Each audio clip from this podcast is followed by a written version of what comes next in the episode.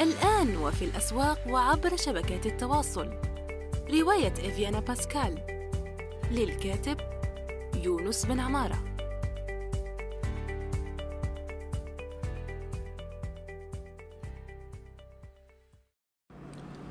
السلام عليكم ورحمة الله وبركاته. في حلقة جديدة من يونس توك سوف نجيب فيها عن سؤال وصلني عبر الإيميل هذه المرة. وهو يقول في نصه السلام عليكم ورحمة الله وبركاته. أخي أنا أجيد اللغة الإنجليزية أفضل من لغتي الأم من ناحية القواعد. أما لغتي فعندي الكثير من الأخطاء. كيف أتعلم قواعد اللغة العربية وأتحدث الفصحى بطلاقة؟ وأيضا هل يجب أن يكون أن أكون متقنا للغة العربية الفصحى لكي أترجم؟ وإذا نعم كيف أحسن من لغتي العربية؟ إذا في هذه الحلقة سوف نجيب عن هذا آه، السؤال. أولا نهنئك على الإجادة للغة الإنجليزية لكن الحكم أنها أفضل من لغة الأم آه، فيها بعض آه، الإشكاليات هنا لأن لأن لأنها تتطلب عدة ليس تشكيكا في الأمر لكن أنك تجيد لغة أخرى أكثر من الأم يعارض ما يذكره الجاحظ في قضية الترجمة وهي أن إذا جدت لغتين فإن أحدهما آه، تكون أقوى من الأخرى. ولهذا معظم الشركات المترجمين ومعظم الذين لديهم مشاريع ترجمة عندما يريدون الترجمة من لغة إلى لغة دوما يعطوك لغتك الأم يعني تترجم إلى لغتك الأم ولا تترجم إلى اللغة الأخرى. لكن هناك بعض الاستثناءات ربما أنت منها. يعني هنا أنا أذكر فقط هذه النقطة للإفادة العامة. نذهب إلى آه، الإجابة عن السؤال وفيه آه، مقاطع. هو كيف أتعلم قواعد اللغة العربية وأتحدث الفصحى بطلاقة؟ وأيضا هل يجب أن أكون متقن للغة العربية الفصحى لكي أترجم؟ هو هل يجب أن أكون؟ نعم يجب أن تكون. متقن للغة العربية الفصحى لكي تترجم بجودة عالية. وإذا نعم كيف أحسن من لغتي؟ أولا هناك يعني أنت آه، جمعت بين الأمرين يعني الفصحى وهو التحدث باللغة العربية و آه، الكتابة. الكتابة فيها قسمان. سوف نتحدث عن آه، الحديث لاحقا لكن ال... هناك قسمان آه، في قضية قواعد اللغة العربية. القسم الأول هو القواعد النحوية والقسم الثاني هو الإملاء. والإملاء ضروري جدا لعملية الترجمة الحالية. إذا آه، القواعد النحوية لا الإشكالية هنا أن بعض الناس ممكن يعطوك كتب معمقة جدا و آه، توجع الرأس وفيها إشكاليات عظيمة جدا. لماذا فيها إشكاليات؟ لأن النحو العربي فيه إشكالية وهي أنه صعب التعلم. ثانيا حتى لو أتقنته حتى لو كنت نحويا يعني لديك قواعد ممتازة جدا فإن هذا يضعف من كتابتك. ولدعنا هنا نحكي قصة تراثية حقيقية. وقعت لأبي سعيد السرافي وهو السرافي معروف نحوي عتيد جدا في التراث العربي. عندما حضر مرة ل يا إما السرافي وقيل أيوة حضر مرة لا أدري في الحقيقة لست متأكد هل هو أبو سعيد السرافي بالضبط أم أبو علي الفارسي لأن القصة هذه لا أدري لمن تنتمي لكن هما في أصل آه، نحويين ممتازين جدا. المهم حضروا عند أحد المسؤولين الكبار والمسؤولين في الزمن القديم يحتاجون إلى كاتب يكتب بالصيغ آه، الرسمية المعروفة. عندك صيغ تتبعها. آه، إذا أردت نموذج طالع كتاب الصبح الأعشى في صناعة الإنشاء للقلقشندي المصري. فيه صياغات معينة يعني. هو السرافي أو أبو علي الفارسي في القصة هذه نحوي ممتاز جدا ومعروف أنه لكن لم يستطع أن يكتب جملة واحدة في الصياغات الرسمية لرسالة عادية في الأصل. ولهذا تحرج جدا شعر بالحرج يعني وأعطاها لتلميذه. كان تلميذه هو الكاتب. تلميذه هو الكاتب أعطاها إياه ثم اعتذر آه، المسؤول قال له لا مشكلة يعني ويمكن يوجد في النهر ما لا يوجد في البحر. أكيد ما قالوش المثال هذا لأن المثل الحديث لكن بهذا المعنى. هذا يمكن يعطيك صورة أن التعمق في القواعد النحوية قد يضر ولا ينفع. إذا لا نقول نحن اترك القواعد النحوية وكذا. لا القواعد النحوية لديك عنصران لكي تتقنهما. أولا المطالعة ثم المطالعة ثم المطالعة. هناك للأسف الشديد بعض الناس يعني أجد في آه، المجموعات آه، والمجموعات والمواقع الخاصة بالترجمة وما إلى ذلك. يقولون نريد أن نتقن الترجمة دون مطالعة وأن نجد مشاريع ترجمة دون ديدلاين يعني دون موعد نهائي. مش موجود هذا.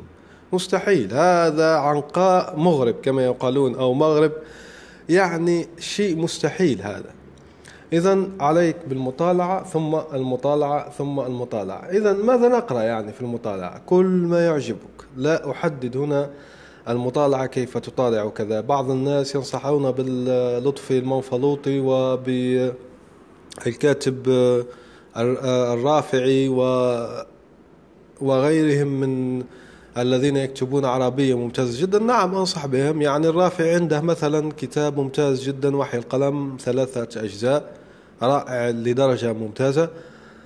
والمنفلوطي معروف بروايته المترجمة بطريقة إبداعية ممتازة جدا. إذا هم محقين هنا. عند, عند أنت يعني عندما تجد وقت للقراءة فاقرأ. وعندما أقول تجد وقت يعني يجب أن نشدد في هذه النقطة وأن نعيدها مرارا وتكرارا. المطالعة ضرورة جزء ضروري من آه، عدة المترجم المحترف. يعني ما في مطالعة ما في احتراف. نذهب إلى النقطة الثانية في تعلم القواعد وهي آه، لحسن الحظ في اللغة العربية أن هناك عدة من الناس من الذين أتقنوا النحو لدرجة كبيرة جدا ووجدوا الصعوبة البالغة فيه و خدموا الأمة بكتب اسمها النحو الميسر. يعني ادخل جوجل اكتب النحو الميسر. هناك طرق ونماذج عديدة جدا آه، في النحو آه، الميسر. يعني كتب هو هم نسات علماء دكاترة متخصصين في المجال ومتعمقين جدا ووجدوا الصعوبة الكبيرة وصنعوا وأنشأوا كتب مبسطة موجهة للناس لكي يفهموا النحو بصورة بسيطة. إذا هناك عديد ليس لدي عناوين يعني واضحة جدا أو محددة بدقة في هذا الموضوع لكن راح تجد آه، عدة عناوين. المهم أنت يعني تبحث في هذا آه، المجال في النحو الميسر اللغة العربية الميسرة تبسيط آه، قواعد النحو وما إلى ذلك. النقطة الثالثة وهي مفيدة جدا مع أني قلت نقطتين لكن خطرت الآن لي نقطة وهي آه، الدراسة أو عفوا المنهج الدراسي للسنوات الأولى من الدراسة. يعني هناك عدة مبادرات حكومية وتطوعية عامة فيها يعني دراسة النحو في اليوتيوب. تجدها في اليوتيوب تدخل اليوتيوب يعني مثلا قواعد النحو للإعدادي. قواعد النحو لا تخجل يعني عاد. عاود أرجع أقرأ في الإعدادي لكن الآن لديك تكنولوجيا. قبل يعني عندما تريد أن تقرأ ماذا يدرسه الإعداديين عندك فقط الكتاب وإشكاليات ولا تجد المدرس الذي يشرحك. الآن لا لديك اليوتيوب. تدخل إلى اليوتيوب و تدرس مجددا ما درسناه في الإعدادي هي مفيدة جدا خاصة أن بعض الفيديوهات مصنوعة ونحييهم هنا بدرجة عالية جدا. يخطر في بالي الآن آه، مبادرة نفهم التي تقدم عدة آه، فيديوهات في التعليم والمذاكرة. بارك الله فيهم وفي جهودهم. نشكرهم جدا هنا وغيرهم من الذين يتعبون ويرفعون الفيديوهات التعليمية للغة العربية الفصحى. إذا ذكرنا الآن ثلاثة نقاط لتعلم قواعد اللغة العربية. نذهب الآن إلى الإملاء. الإملاء والذي يشكل مشكلة كبيرة جدا عند بعض المترجمين لأن قلنا قواعد وإملاء ونحن هناك كامل نتحدث في الكتابة لم نتحدث في الفصحى بعد يعني التحدث بالفصحى التكلم بالفصحى. لكن نتحدث عن الكتابة. قواعد الإملاء هناك رابط معين هناك عدة قواعد. يعني الإملاء يمكنك في ظرف عشرة أيام أن تتقنه إتقان ممتاز جدا احترافي. هو في الحقيقة الإملاء يعني الإملاء عامة. عندما نريد أن نتقن الإملاء ككل ككل يعني نحصل على الدكتوراه. شهادة الدكتوراه في الإملاء العربي؟ لا. لا نريد هذا. لكن ما الذي تحتاجه في الترجمة في الإملاء يمكن إتقانه في ظرف عشر أيام بشكل تام كامل. لماذا؟ لأن قواعده ليست لا نهائية. قواعده يمكن عنده يمكن يعني أنت تحتاج إلى قواعد الهمزات. ليست كل الهمزات ثانية يعني أهم الهمزات همزة الوصل همزة القطع. وكيف تكتب مثلا كلمة آه، ابن داخل آه، آه، الجملة أو خارجها؟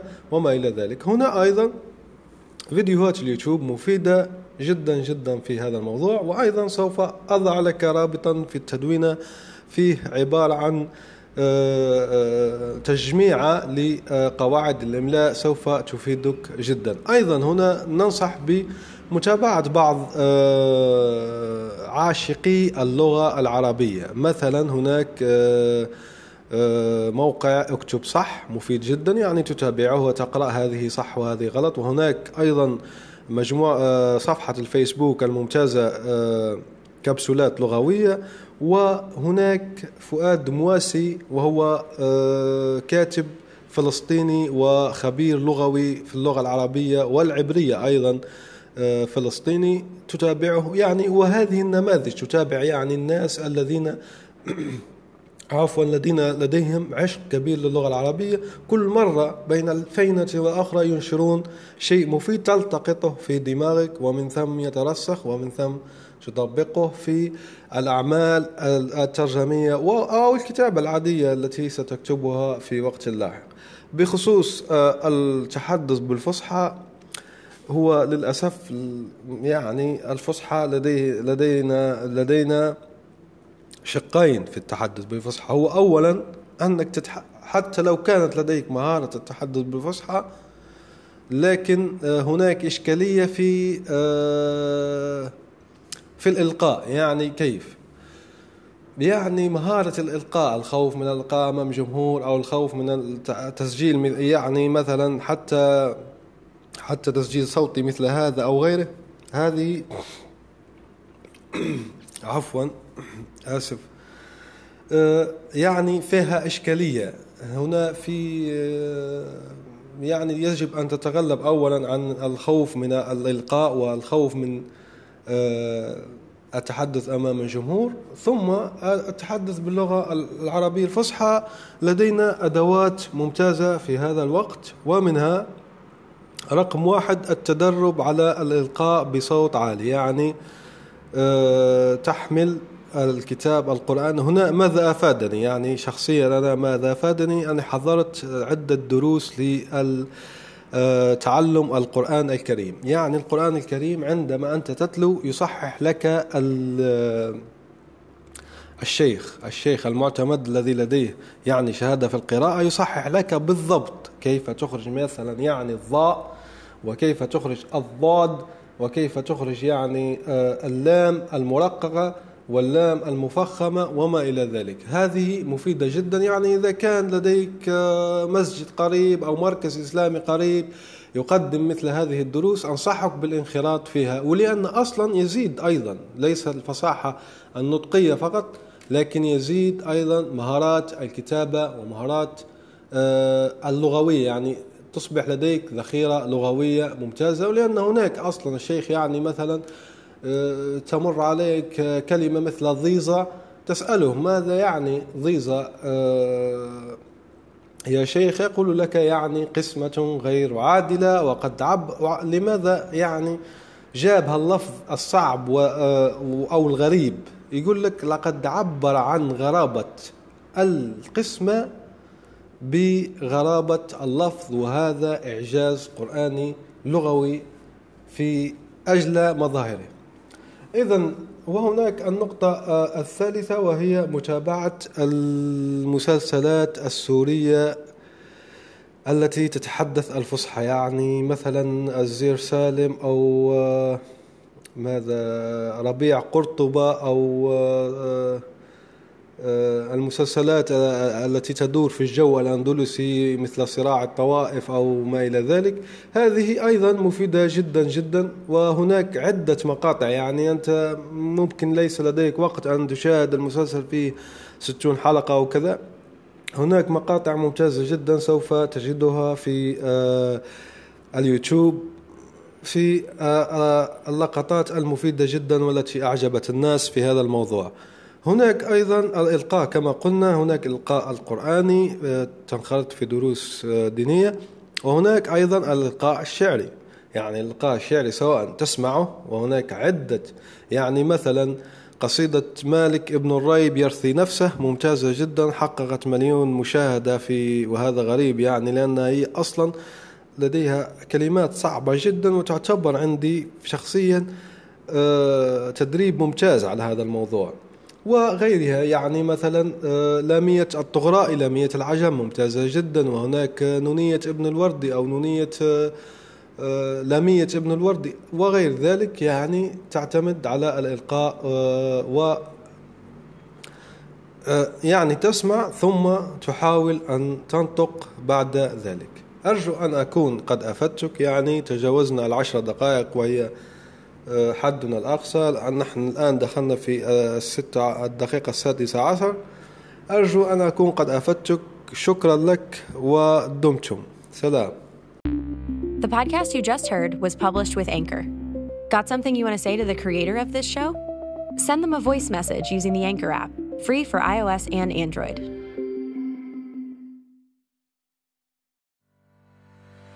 الآن وفي الأسواق وعبر شبكات التواصل رواية إفيانا باسكال للكاتب يونس بن عمارة.